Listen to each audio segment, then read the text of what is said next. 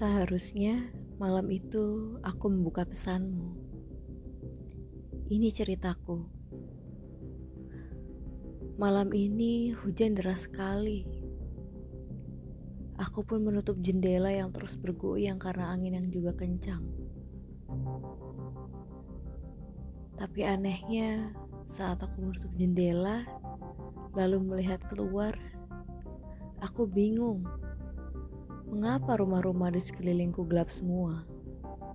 Seakan tak ada satupun orang di rumah. Aku sempat bergidik ngeri.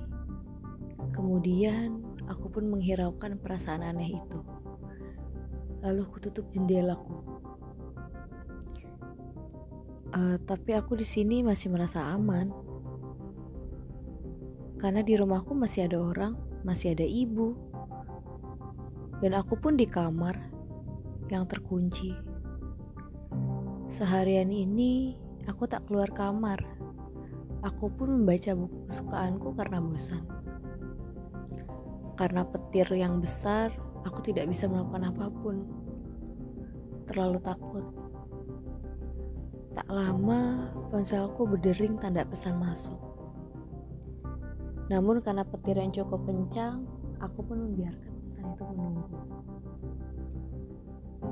Kubiarkan hujan dan petir reda baru kubuka pesanku.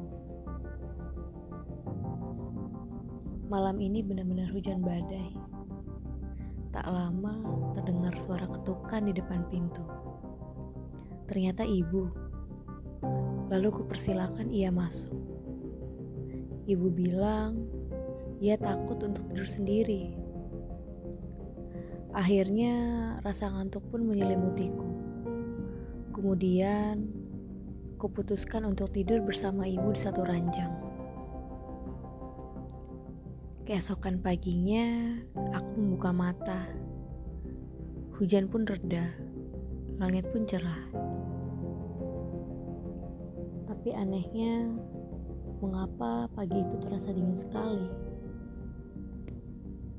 Aku langsung membuka ponselku karena semalaman tidak mengecek. Yang aneh, kenapa ada pesan dari ibu? Padahal ia bisa bilang langsung kepada aku malam itu. Pesan dari ibu isinya, Sayang, ibu nggak pulang malam ini. Nginep di rumah mbahmu. Hujan deras banget. Kamu hati-hati yo. Kunci semua pintu. Dek. Aku langsung bergidik ngeri. Kemudian aku jalan dengan cepat ke arah pintu dan keluar.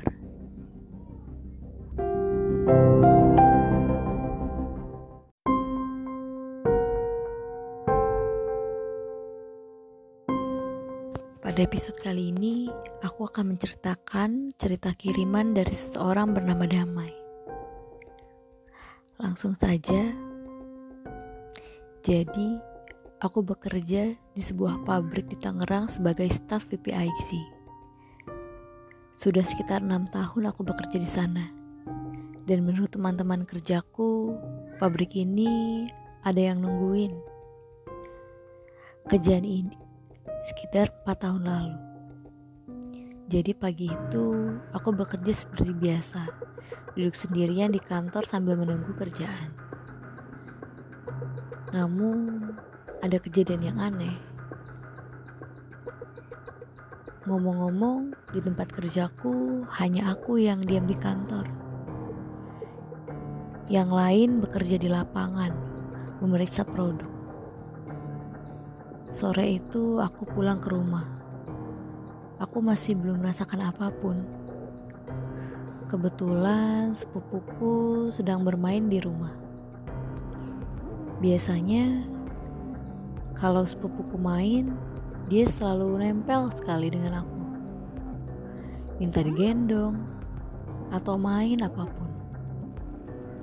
Sore itu dia nggak mau main sama aku Ketika aku dekati, ia malah nangis.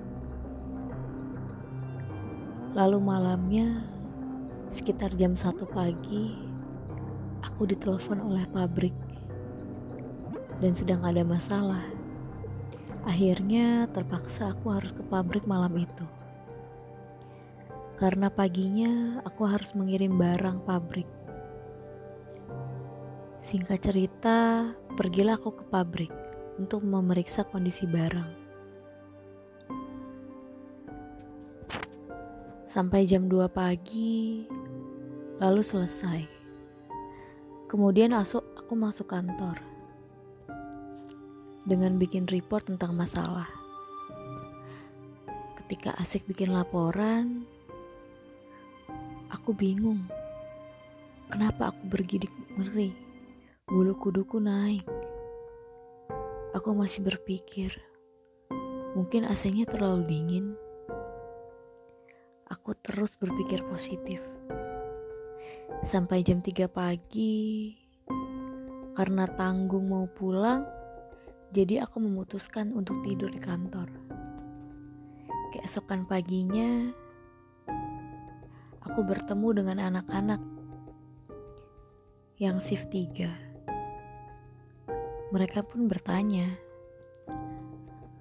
Mbak, semalam sama neneknya ya? Kayaknya neneknya marah sih mbak kerjanya terlalu serius.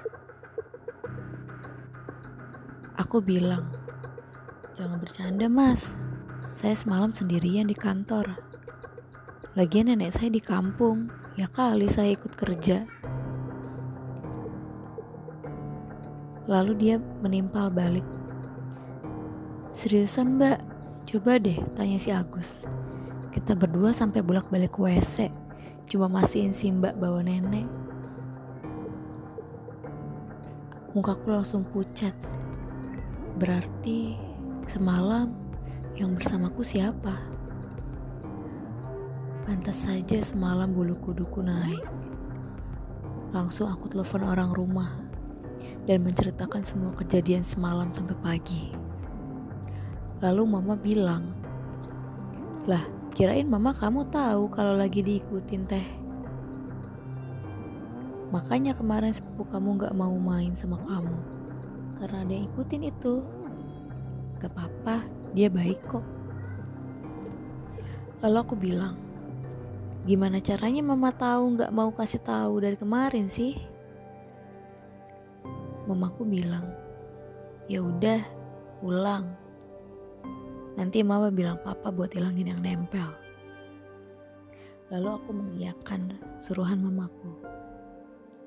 Setelah itu, aku tetap merasa kalau ada yang mengawasi aku ketika kerja.